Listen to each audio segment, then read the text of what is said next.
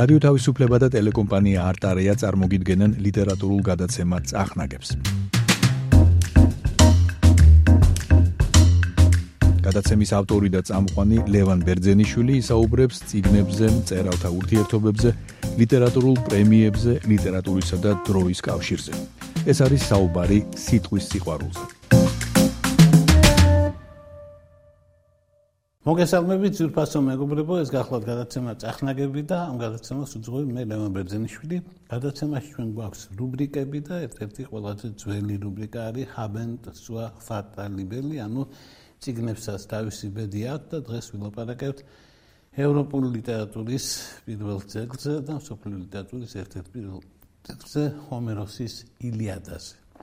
ჰომეროსზე ჩვენ გვისაუბრია, განსაკუთრებით ჩვენ გვაინტერესებდა მისი მიმართება ისტორიასთან, ამიტომ ამ ნაწილზე ახლა როდის როდინდელი ამბები აისახა ილიადაში მე არ ვილაპარაკებ, უფრო ვილაპარაკებ იმაზე, როგორ არის დაწერილი ეს გასაოცარი პოემა. მოგესალმებით, ილიადა ეს არის ტროის ომის ციკლის მითების ერთ-ერთი მთავარი ნავსაყუდელი, სადაც თავი მოიყარა უამრავმა მითმა ამ უზარმაზარ ომზე, რომელსაც ბერძნების ცხოვრებაში ასეთი დიდი როლი შეასრულა. და აღარ დავიწყებ იმაზე კამაც ისტორიკოსები ამაზე რა ამბობენ, რამდენად დიდი იყო თუ არ იყო დიდი ტროის ომი, როდის იყო და სხვა. ეს არ არის ჩემთვის ახლა ამ წუთას მნიშვნელოვანი.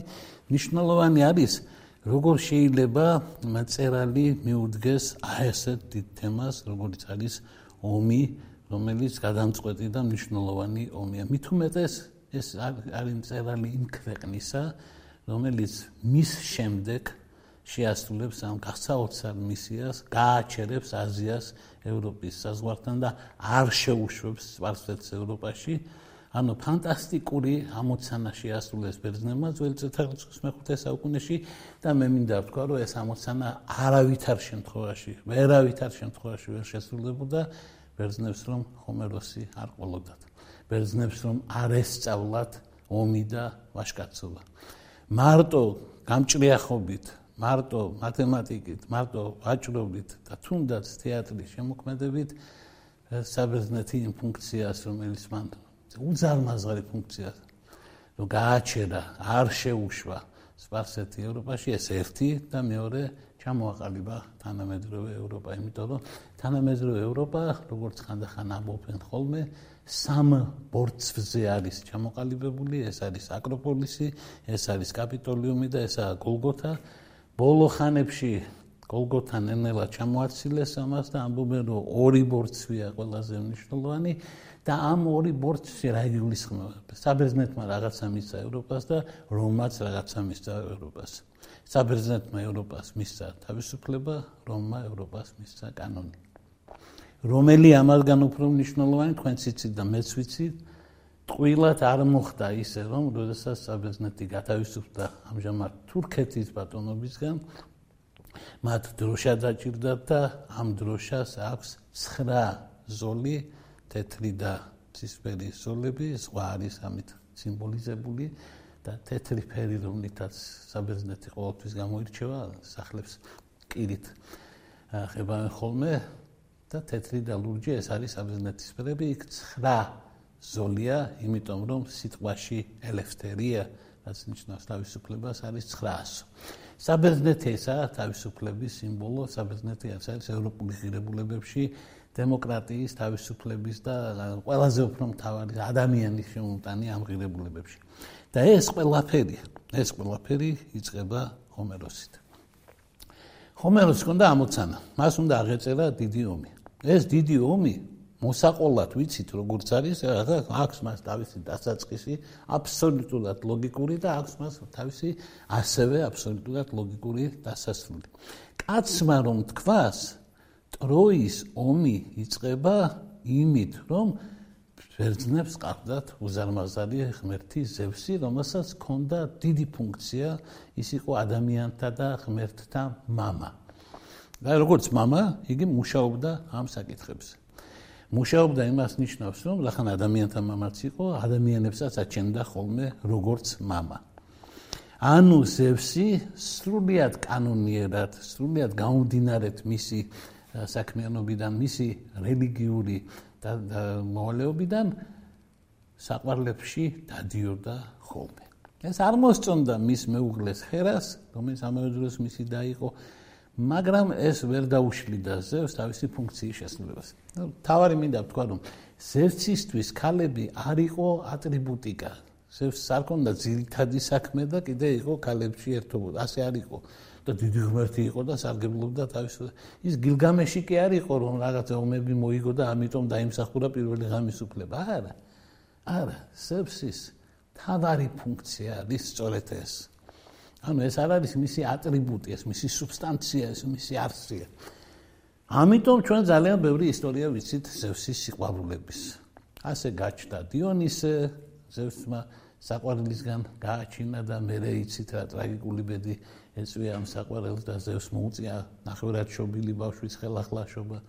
ასე შვა ზევსმა ათენა სადაც დედამისის გადაყლაპვა მოუწია და მე მისი თავიდან დაიბადა კალღმერთი ათენა.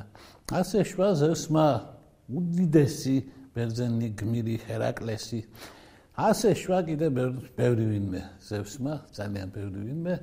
და ასე შვა მან სოფლიოში ყველაზე ლამაზი ქალი ყველა დროის ეხლა თქვენ შეიძლება იკითხოთ რომ კი მაგრამ ჰომეროსი როგორ აღწერს სოფლის ყველაზე ლამაზ ქალს იმის მე რამდენი დრო გავიდა და იქნებ დაიბადენ უფრო ლამაზები არა საქმე ის არის რომ ლიტერატურაში უფრო ლამაზი ქალი ვერ დაიბადება.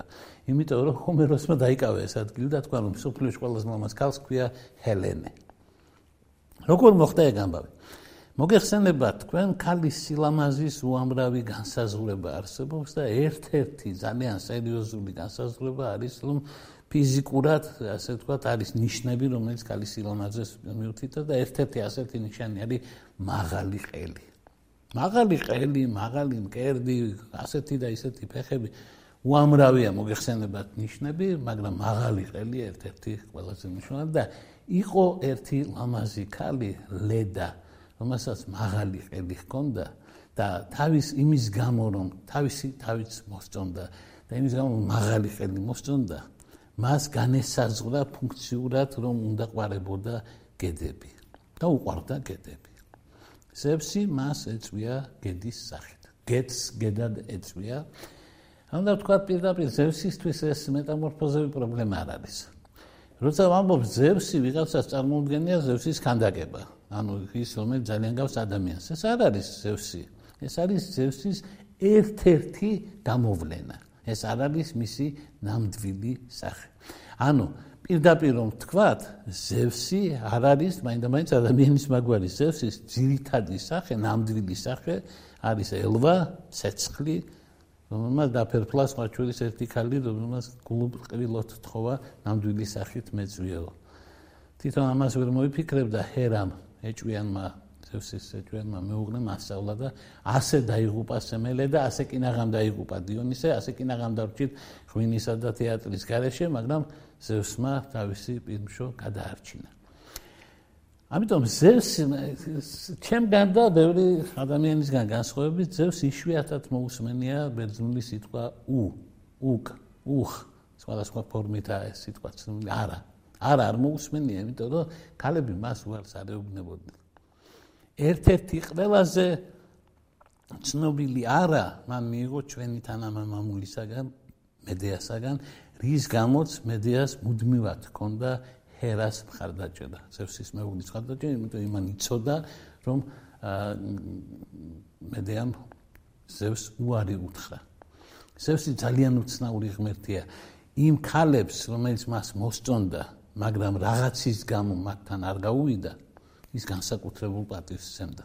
ამიტომ შეიძლება მიხვდეთ რატომ გადარჩა მედეა ამდენი დანაშაულის შემდეგ. შეიძლება მას ზევსის მხარდაჭერაც კი ქონდა არა მარტო ჰერასი. მოკლედ რომ ვთქვათ, ამ კონკრეტულ შემთხვევაში ზევსმა ამოიღო მიზანში ლედა მან იცის ქალების თავისებურება, ახალგაზრდა ქალების თავისებურება. მანიც ისო ახალგაზრდა ქალებს უყვართ ცხოველები, ფრინველები, ზოგს კატები, ძაღლები, ახლა კატები ნაკლებად ეცოდინებოდა ზევს, იმიტომ ბერძნებს კატა არ ყავდათ, მაგრამ სინდიოფალა ყავდათ, კატის ნაცვლად, დედოფალას ეძახით ჩვენ. ძალიან საინტერესო ცხოველი. აა და იცოდა რომ აი დაბალბეწვიანი ცხოველები მოწონთ. მაგალითად ევროპე რომ მოიტაცა ხარის სახით ეწვია, ნუ ჯერ ხბომერე ხარი. აა და სხვადასხვა შემთხვევაში სხვადასხვანაირად მოქცეულა და ამ კონკრეტულ შემთხვევაში როგორც გითხარით ლედას ეწვია გედის სახით. ამ სიყვარულისგან ლედამ გააჩინა შვილები, ოღონდ გააჩინა ძალიან უცნაური გზით. კვერცხიდანო და ამ კვერცხიდან გამოიჩეკა 4 არსება. ამ 4 არსებიდან სხვადასხვა თეორიით ზევსისა იყო ან 1, ან 3. არ არსებობს თეორია, რომლის მიხედვით ზევსის შვილი იყო ჰელენეს ტყუპის ძალი და კრიტემნესტრა. დანარჩენები ყველა, ყველაზე არის ფაქტი მოცემულობა, რომ შეიძლება ღმერთები იყვნენ, შეიძლება არა. ჰელენე რომ ნამდვილად ზევსის იყო, ეს დადასტურებულია. ანუ ჰელენე არის ზევსისა და ლედას ასული, რაც შეეხება მის ძმებს, კასტორსა და პოლიუქს, ანუ კასტორსა და პოლიდევკეს, იმიტომ რომ ორი სახელი აქვს პოლიუქს, პოლიუქსი და პოლიდევკესი, ესენი არიან ეგრეთ წოდებული ზევსის ვაჟები, დიოსკურები. ჩვენ კარგად ვიცნობთ ამ სახელს, იმიტომ რომ სოხუმს ერქვა დიოსკურია, მათი სახელობის ქალაქი ჰქონდა ჩვენ. შავი ზღვის სანაპიროზე ბერძნების დაარსებული ბუნებრივია და მათი მიცემული იქნებოდა სახელი. ესენი ჰომეროსთან მოკვდავები არიან, მაგრამ მეરે უკვდავები არიან. მე ვფიქრობ, რომ ყველაზე კარგად თეორია აისახებოდა ასე, რომ ზევსისა და ადამიანის შვილის დაახლოებით 3/4 ღმერთი იქნებოდა და 1/4 ადამიანი. თქვათ ნახევარი არა. სოჭო გილგამეში მაგალითად ამოს მე 2/3 ღმერთი ვარ და 1/3 ადამიანი, მაგრამ ვინაიდან გილგამეშის მე გაიზარდა ღმერთის ფუნქციები, მე ვფიქრობ აქ ოთხეული იმიტომაა წარმოდგენილი, რომ გითხან აქ ამ ოთხიდან ერთი არ არის მისი და დანარჩენი სევსისა. ძველ მიჩი ეს აუცილებლად ასე იქნებოდა, ჩემი აზრით. აი დაიბადენ ეს ბავშვები, ну ახლა ვის რა ბედი ეწია, აღარ გაუყვები საქმეს, მაგრამ ტროის ომამდე ჯერ კიდევ შორია. მაგრამ ამის garaშე, კვერცხის garaშე შეუძლებელია იმ ომის წარმოქმნა, ამიტომ რომაულში გაჩნდა გამოთქმა ab ovo, ლათინური გამოთქმა ab ovo ნიშნავს კვერცხიდან, როცა გვეუბნებიან დაიწყე თავიდან, გვეუბნებიან დაიწყე ab ovo. მერე ეს გამარტივდა ძალიან და მერე ითქვა ab ovo usque ad mala, კვერცხიდან ვაშლამდე. ეს საუზმე არის. საუზმეს იწყებენ კვერცხით, მოხარშულით და ამთავრებენ ვაშლით თითქოს, მაგრამ არა, აბ ოვოში თავიდანვე ჩადებული ლედას კვერცხის ამა. ანუ თუ რაღაცა გინდა თავიდან, უნდა დაიწყო კვერცხიდან. ჰომეროსი არ არის ასეთი კაცი. არ დაიწყო კვერცხიდან. საერთოდ ლედას ისტორია და კვერცხი და ამბავი მასთან არ არის. მაგრამ ისე ამბავი ნამდვილად ასე იწყება. განამეთ ჰომეროსი მოიქცა ისე, როგორც მე მისი დიდი მოსწავლე და ძალიან სერიოზული მიმბაძველი და შთამომავალი პოეტი ვერგილიუსი იტყვის ის შევიდა in medias res ანუ საქმე შუაგულში. და შუაგულიდან დაიწყო ამბის აღწერა. მე ვიტყოდი რომ შუაგული საკმაოდ ბოლოსკენ წავიდა იმიტომ რომ ტროის ომი 10 წელი გრძელდებოდა და აი 10 წლის მე-10 წელი აირჩია ჰომეროსმა. იქიდან აიღო 50-ზე ოდნა მეტი დღე და ის აღწერა მარტო და ასე აღწერა ეს ამოდენა ომი დასაწყისიან დასასრულიანად თუმცა ამ ომის არ დასაწყისი აღუწერია პირდაპირ და არ დასასრული. ამაერი აღწერა ომის თუ არ დასაწყისი არ დასასრული არც მიზეზები არაფერი არ არის. ყველაფერი არის ოღონდ ისე არ არის როგორც ჩვენ წარმოგვიდგენთ. ჩვენი აზროვნება არის ხაზოვანი. რომ დაეთ 1951 წელს შემოიჭრა ჰიტლერი უპასუხა ესე მოსკოვი უკან დაიხია 39-ში სოფლიო ომი დაიწყო 45-ში დამთავრდა და ასე შემდეგ. და თუ ვინმეს აღწერა უნდა, შეუძლია დაიწყოს 1933 წლით, თქვა, რომ ან ჰიტლერის დაბადების დღით, რომ მოვიდნენ ძალოფლებაში და ნენელა როგორ იპყრობდა ხელისუფლებას და არ არის ასე ჰომეროსთან. არ აინტერესებს ასე ამბების აღწერა, მე ვიტყვი რატო. ამასობაში ის ამბავი ხო ყველამ უნდა იცოდეს. საქმე ის გახლავთ, რომ ჰომეროსი ვისაც ელაპარაკება, იმ ხალხმა მითები იცის ზეპირად, რა თქმა უნდა. განათლება არის მითების წოდნა. ძველსაბერძნეთში ჰომეროსის ჰომეროსამდე განათლება მითების წოდნა. ჰომეროსის შემდეგი განათლება ილიადის წოდნა. განათლება ექიმი გამოდიხარ თუ ინჟინერი სულ ერთია. ჰომეროსი უნდა ისწავლო. იმა უნდა გასწავლოს ექიმობაც, ინჟინერობაც, იქა მშენებლობაც იქ არის, გემის მართვაც იქ არის და ყველაფერი იქ არის. დადგებად რომ ამაზე მე პლატონი და სოკრატე ააწყობენ თავის თეორიებს და იკითხავს სოკრატეს გენიალურ შეკითხვას დასვანს გემის კაპიტანმა უფრო კარგად იცის გემის მართვა თუ ჰომეროსმა და იწყება ჰომეროსის ანალიზი, კრიტიკა და აღარ არის ის ის ღმერთი, რომელთანაც არ შეიძლება შეკითხვების დასმა. მაგრამ მანამდე შორია, შორია მანამდე. ისე როგორც შორია ჰელენეს დაბადებიდან ტროის ომამდე. ჰელენე დაიბადა, ჰელენე გაიზარდა და გახდა ულამაზესი. რა თქმა უნდა, ხომ უნდა წარმოვიდგინოთ ზევსის ქალიშვილი და ულამაზესი ქალის ქალიშვილი. რა თქმა უნდა, ლამაზი იქნებოდა. რა თქმა უნდა. და რა თქმა უნდა, იგი არ იქნებოდა ჩვეულებრივი სილამაზის. თუ მითოსურად შევხედავთ და თუ რელიგიურად შევხედავთ, გასაგებია რაც არის. ჩვენც ყავს ასეთი ხალხი ხომ მართლა ქრისტეს მხევალი. აქ აღარ იგულისხმება ის ურთიერთობები, აქ უფრო სულიერი ურთიერთობები იგულისხმება, მაგრამ უფალსაც ჩვენს უფალსაც ყავს ასე ვთქვათ შვილები აი ასეთი თვალსაჩინო ზევსის ქალიშვილი ჰელენე. გაიზარდა და ყველას მოუნდა ჰელენეს ცოლად მოყვანა. ოხ როგორ მესმის? მე მთელი საბერძნეთის იმიტომ რომ რო ყოფილიყო საშუალება მთელი საქართველოს იქ იქნებოდა აბსოლუტურად დარწმუნებული ვარ იმიტომ რომ არის რაღაცა განსაკუთრებული ლამას ქალში. ქალი შეიძლება იყოს ლამაზი ქალი შეიძლება იყოს ჭკიანი ქალი შეიძლება იყოს ძალაუფლების მოყვარე, ქალი შეიძლება იყოს დიდარი, ყველანაირი ქალი მოუყვანია ხალხს, მაგრამ კითხვაზე ვინ უნდათ? ჩვენ ვიცით სწორი პასუხი, სინამდვილეში უნდათ ლამაზი. ასე იყო ძალიან დიდი ხნის განმავლობაში. რაღაცას ამბობდა ეს ლამაზე ჩემზეც, თუ მე მყავს ლამაზი ცოლი, თქვენ რომ ლევანს ლამაზი ცოლი. ანუ რაღაცნაირად ეს ლევანის დახასიათებაც იქნებოდა. და ამიტომ მოიყარა თავი თემა საბერძნეთმა. ყველას უნდოდა. ტინდარეოსი, გამზრდელი мама. ძალიან დაიბნა, იმიტომ მოადგა მთელი საბერძნეთი. ყველას ხო ვერ გაყვებოდა, ერთ უნდა გაყოლოდა. მან თქვა, ჩემი კალიშვილი თვითონ ამოირჩევს ვის გაყვება. მაგრამ თქვენ რახან ამდენი ხართ სასიძოები, უამრავი ადამიანი, უნდა დადოთ ფიცი. თუ ამ ქალს ამე მოუვიდა, ან ვიღაცამ ქმარს მოსტაცა, ან რაღაცა შემთხვევა თქვენ ყოფილი სასიძოები პასუხს აგებთ ფიცით. ფიცი ეს ყველაფერია, ორკოს ფიცი დაიდება და დამთავრებულია ყველაფერი და დაიდო ეს ფიცი.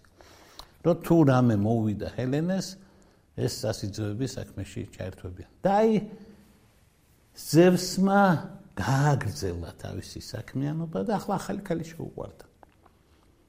ანუ ზევსის მეორე სიყვარულიც საჭირო არის იმისთვის, რომ კარგად გავიგოთ ტროის ომის ამბავი. მეორე სიყვარული მისი იყო, მას შეუყვარდა ზღვის ერთ-ერთი ღმერთის, რამდენიმე ღვთაება. თუმცა ნერევსის 50 ქალიშვილიდან ერთ-ერთი. ნერევს ყავდა 50 ქალიშვილი, რომელსაც ადრე ნერეიდებს ეძახდნენ და ახლა, როდესაც ჩვენ სახელობითი ბრუნვა შეგვიყვარდა ძალიან, ახლა ნერეისებს ვეძახით. აი ეს ნერეისები, ნერეისები 50 იყო, ულამაზესი ქალები იყვნენ. ყველა ერთმანეთზე ულამაზესი, მაგრამ ერთი იყო რაღაც განსაკუთრებული ერქვა მას თეტისი. და ამ თეტის ჰქონდა განსაკუთრებული ნიშანი. ამ თეტისი არ იყო მსოფლიოში ყველაზე ლამაზი ქალი, მაგრამ თეტის ქონდა განსაკუთრებული ნიშანი. ამბობენ, რომ ქართველებისთვის სილამაზე არის სახე. ამბობენ, რომ ინგლისელებისთვისაც სილამაზე არის სახე, უპირველეს ყოვლისა სახე. ფრანგებისთვის არა, ფიგურა ნიშნულოვანია. ამბობენ, რომ უნგრელებსაც აქვს თავისი წარმოდგენები და სხვა. მოკლედ რო ვთქვათ, პუშკინს მაგალითად ქალები მოწონდა ფეხების მიხედვით. ის ამბობდა, რომ რუსეთში 2-3 ფეხი არის საპატიცაცო, რა წარმოდგენთ თელ რუსეთში. ხო, ზევსაც ეს ამბავი მოუვიდა. ვერცხლის ფეხება ქვია ხოლმე თეთის. და საერთოდ ფეხები ამ მოდგმაში ძალიან მნიშვნელოვანი აღმოჩნდება, იმიტომ რომ მისი შვილი, მომავალი შვილი, აქილევსი სწორად სწორედ ფეხებით და ფეხმარდობით და სირბილით არის ცნობილი. და ლამსი ლამასით ეხლა ზევს რო ეს ხალი შეუყვარდა ვინ დაუდგებოდა ზევს წინ მაგრამ თქვენ წარმოიდგინეთ კონკურენცია შეიქმნა. თან სამართლიანი კონკურენცია. თლათ ისე ვერ იქნებოდა რომ ზევს იტყვა შენ ვინ გეკითხება და სხვა იმიტომ რომ სამყარო გაყოფილი აქვს სამ ძმას სამ ნაწილად. თქვენ იცით რომ ესენი საერთოდ იყვნენ სამი ძმა და სამი და. ეს დები ჰერა ყველა მივიცით და მეორე და მესამე და დემეტერი და ჰეკატე ნაკლებად არის ისე პოპულარული მაგრამ კაცები ყველა ვიცით ძმები. ამათ გაიყვეს თელი სამყარო ზევსის არის მოგეხსენება დედამიწა და ზეცა. ზღვა და წყალი ყველაფერი პოსეიდონისა და ჰადესი მისის ქვეშეთი და საიქიო რა თქმა უნდა არის ჰადესის ამ სამ ძმაშორის ასე გაყოფილი და მაინდამაინც ზღვის მეფის ქალიშვილი რომ მოეწონა ზევს პოსეიდონსაც მოეწონა და ეგ სერიოზული კონკურენტი იყო ზევსისთვის. პოსეიდონს ვერ ეთყოდა რომ შენ ზღვის ღმერთთან რა ხელი გეხდა არა არ იყვას და კინაღან დახოცეს ძმებმა ერთმანეთი სანამ კავკასიონიდან ჩვენს გარეშე საქმეც არ ყოფილა არ შემოუთვალა მათ ჩვენი ამირანის დიდმა მეგობარმა და ნაცელმა პრომეთევსმა რომ აქ რო ვარ მიჯაჭული ერთი ისეთი საიდუმლო ვიცი რომ ჯობია ამხსნათ და გითხრათ ვიდრე დაიღუპოთ. უკეთებ. აი ხალი რომელია საუკეთესო? აფროდიტემ თქვა მე ვარ საუკეთესო იმიტომ ყველაზე ლამაზი ვარ და სიყვარულის ამბავში გარკვეული ვარ ათენა თქვა მე ვარ საუკეთესო იმიტომ სამართლიანი ბრძოლის ქალღმერთი ვარ სიბზნის ქალღმერთი ვარ ვაშკაცობის ქალღმერთი ვარ ჰერამ თქვა მე ვარ რა თქმა უნდა ყველაზე უკეთესი აბა ახლა ზევს შეეშლებოდა და მე ყველაზე უკეთესი მოიყვანა და მე ვარ ძალაუფლების ქალღმერთი მე ვარ მშობიარობის ქალღმერთი მოკლედ ამ სამმა ქალღმერთმა ისურვა ადამიანებს არც კი უფიქრიათ ამ ძოლაში შეცნო და აი ამ სამი ქალღმერთიდან ზევსმა ვერ მიიღო გადაწყვეტილება გაუშვა პარისმა გადაწყვიტოს პარისი მწყემსია მაგ დროს არ იცის რომ უფლისწულია ახლა მის ისტორიას არ მოყვები რატო არ იცის და მან უბრალოდ იკითხა რას მპირდებითო არც ათენას დანაპირები და არც ხელას დანაპირები. ძალაუფლება ვაშკაცობა არაფრად არ მოეჩვენა და ამან უთხრა ის ასეთ ადამიანებს ეუბნება ყველაზე მაგარ. ყველაზე ლამაზ ქალს მოგცემ აი ყველაზე ლამაზი ქალი რო გათხოვილი იყო არ უთხრა. წამოიყვანა. თავისი ეშმაკობებით მოახერხა ისე რომ იმ ქალსაც შეაყვარა და მისთვის ეროსი ყავს მას და შვიდის არის იმას პატარა. და გაი გაიპარნენ ესენი და გააყოლეს სხვისი ქონება კიდე. ან დაარღვიეს თუმას მოყარეობის წესებიც. ამის მერე გავიდა 10 წელი. აი ამის მერე დაიწყო ტროის ომი და ჰომეროსი იწყებს ილიადას. ეს რაც მე ვთქვი და კიდე უამრავი რამ რომ იქ აგამემნონმა ქალიშვილი შეცირა იქ რომ კარი არისო იქ რომ პირველი კაცი როგორ დაიღუპა უამრავი რამ არის მომხდარი და ჰომეროსი იწყებს პირდაპირ და იწყებს იმით, რომ ბერძენთა რიგებში მოხდა კონფლიქტი. ანუ ომი ხო კონფლიქტით უნდა დაიწყოს, მაგრამ აქაც იწყება პოემა კონფლიქტით, თუმცა ეს კონფლიქტი არის არა ტროილებსა და ბერძენებს, არამედ ბერძნებს შორის. ოღონდ რა ტიპის კონფლიქტია? ქალი წაართვეს აქილევს და ქალის გამო კონფლიქტია. ანუ ჰომეროსი ისეთი გენიოსია, რომ იწევს პოემას კონფლიქტით, რომელმაც უნდა მოგვაგონოს ის კონფლიქტი, რომელმაც ომი დაიწყო. აქილევსმა რომ უარი თქვა, ამის მერე ამ პოემაში იწება ბერძენთა გმირობები და დაკნინებანი. და ბოლოს იქამდე მივიდა საქმე, რომ მოწინააღმდეგე მხარე მოადგა ბერძენთა ხომალდებს და ერთი ხომალდი დაწვა კიდევაც. და აქილევსი არ მონაწილეობს. ხმა მინდა ყველა საუხსნა რა პოემა არის ილიადა. ილიადა არის პოემა, რომლის თავარი მოქმედი გმირი არის აქილევსი და ეს აქილევსი ამ პოემაში 17 სიმღერის განმავლობაში არ ჩანს. აი ასეთი პოემა ილიადა. აბა როგორღა ამ თავარი მოქმედი გმირი თუ 24-დან 17 სიმღერაში არ ჩანს. როგორ მოახერხა ბოლო 6 სიმღერაში ასე ვთქვათ გაგმირება. აი როგორ მოახერხა გეტყვი ძალიან მარტივად.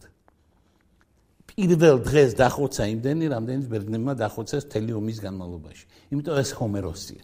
იმიტომ ჰომეროს არადარდებს, რომ ვიღაც ბუღალტერი ჩაუჯდება და უანგარიშებს ამდენის დახოცვა შეიძლება დღეში და აქილევსი შეიძლება თუ არა მილიონჯერ უფრო მაგარი იყოს ვიდრე სხვა და აქილევსი ასეთია.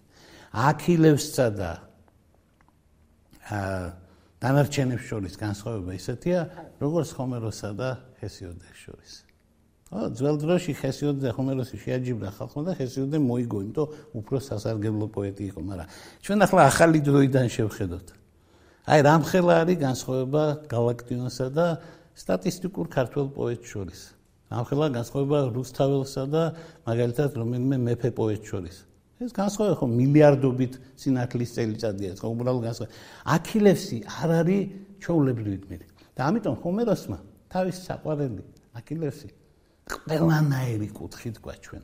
და ბოლოს მასთან მოვიდა მის მიერ მოკლული ჰექტორის мама და იმის მაგივრად რომ ტრადიციული ხვეწნის ფორმულისთვის მიემართა, უნდა დაეცე მუხლზე ერთი ხელი უნდა მუხლში ჩავლო, მეორე ხელი ნიკაფში უნდა ჩავლო და უნდა თხო. ამ პოზიციიდან ვარი არ უნდა გითხრას. ამიტომ იყო რომ როცა შვილისთვის რაღაცა უნდა და თეთის მიუვარდა ზევს და ეს ჩაუტარა ეს. ეს არ გააკეთა პრიამოსმა, ჰექტორისმა. მოვიდა და პირდაპირ ის ხელები დაუკოცნა, რომელმაც შვილი უსასტიკესად მოუკლა, რომელმაც ეს მოკლული შვილი ცხენს ჩააბა და ათხრია ტროის ირგვლივ. რომელმაც მას შეურაცხყოფა მე აი ეს ხელები დაუკოცნა და წართვა თავისი შვილის ცხედარი. ილიადა ყველაფერთან ერთად არის უამაზესი პოეზია. გერტი ის არის ისეთი რიტმით დაწერილი, როგორც დაქტილური ჰექსამეტრი. სადაც ჩვენ ახლა სიგძე სიმოკლეებს ვეღარ ვიცავთ, ადრე ასე იქნებოდა მენინა ეიდეთეა პელეია დო ახილეო სიმღერა. ახლა ვკითხულობთ მენინა ეიდეთე აპელეია დო ახილეოს ულომენენ ხემიური ახაიო ეს ალგეტეკ პოლას დიფტიმუს ფსიხას აიდიქსინეკენ და შემდეგ ეს სილამაზე ჯერერთი და მერე პირველი სტრიქონი მენინ მენის მისხანება პირველი სტრიქონი არის აქილევსის მისხანება ბოლო სტრიქონი არის ასე დაკრძალეს ცხენთან ხედნები ჰექტორი პირველი სტრიქონი აქილევსი მრიცხანება ბოლო სტრიქონი ჰექტორი სიკვდილი. მიზეზი შედეგი. პოემა თავიდან ბოლომდე ამის მერე იწყება აი ასე წამოდის ასე ასე და ყველაფერი იქნება სიმეტრიულად აქ ღმერთები იმჟელებენ აქ ღმერთები იმჟელებენ. ანუ პირველი სიმღერა 24 სიმღერა მეორე სიმღერა 33 სიმღერა და ასე მოდის ეს პოემა. წარმოუდგენელი ოსტატობა სიუჟეტის განვითარება თავისებური ძალიან თავისებური მე ვიტყოდი მათემატიკური განაწილება ნიშნებისა რომლის მიხედვით 500 პერსონაჟი და არც ერთმანეთს არ ემთხვევა აღებულია ორის ხარისხები. ანუ აღებულია ნიშანი მაგალითად ექიმობა იცის ექიმობა არ იცის. ფეხმარდი არის ნელია კარგი ჭერმეტყველია ცუდად ლაპარაკობს. აი აქილევსი უმეს ყველანაირად კარგია ლაპარაკი არ იცის. გალაქტიონი რო ამბობს მე ხომ ლაპარაკი არ ვიციო სამაგერთა ციცოდა აქილევსიც ეგეთი არის ლაპარაკი არის. მე მინდა ვთქვა, რომ ილიადა არის ნაწარმოები, რომელმაც ტონი მისცა სოფლიო ლიტერატურას. ზუბედნიერის კაცი იყო ჰომეროსი და წინ არაფერი არ ქონდა. ხახ არ ქონდა წინ ისიც არ ვიცით ახლა კახალდი ქონდა მაგას ვერ ვიტყვით ნამდვილად, მაგრამ თიხის ფირფიტა იყო თუ ხის დაფები იყო თუ ხარის ტყავი იყო. აი ამაზე რაც მან დაწერა, მან იცოდა რომ ის სოფლიოს უწერდა პირველ დიდ შედევრს. იგი რომ ნახდათ არ ვიცოდეთ რომ ძველი წელთაღრიცხვის მერვე საუკუნისა მე მასში ვიპოვიდი ისეთი დიდი მწერლების გავლენას როგორიც არის ბორხესი სიუჟეტია იყო მისგან ვიტყოდი როგორიც არის კლასობანას ავტორი რომდანაც თამაშის თეორია იყო ის ძალიან გავს ხანდახან კაფკას წარმოუდგენელი, იმიტომ არ არსებობს სოფლიოში მწერალი, რომელიც რაღაცით არ გავს ჰომეროს. რატომ? თუ ის წინაპარია. წერლობის წინაპარი არის და ბუნებრივი ახლა შეუძლებელია მწერალი იყო და რაღაცით არ გავდე პირველ მწერალს, რომელმაც შექმნა ეს დარგი. რომელმაც შეგვიქმნა ჩვენ გადაცემა ისვისაც მე მადლობა მინდა უთხრა ჰომეროს, იმიტომ რომ არავითარ შემთხვევაში არანაირი ლიტერატურაზე ლაპარაკი არ იქნებოდა. სოფლიო ლიტერატურა იქნებოდა, რა თქმა უნდა. რა თქმა უნდა. უბრალოდ შეიძლება მას ჰომეროსი ქონოდა მომავალში. ეხლა ჰომეროსი არის პირველი და არის წარსულში, ამიტომ თუ კი რამე სიმაღლეს მიაღწია მსოფლიო, თუ კი რომელიმე დოსტოევსკი ან კიდე მანამდე სერვანტესი ან შექსპირი დაიბადა ამაში ყველაფერში ზევსის წვლილიც არის რა თქმა უნდა მაგრამ ჰომეროსის წვლილი არის გადამწყვეტი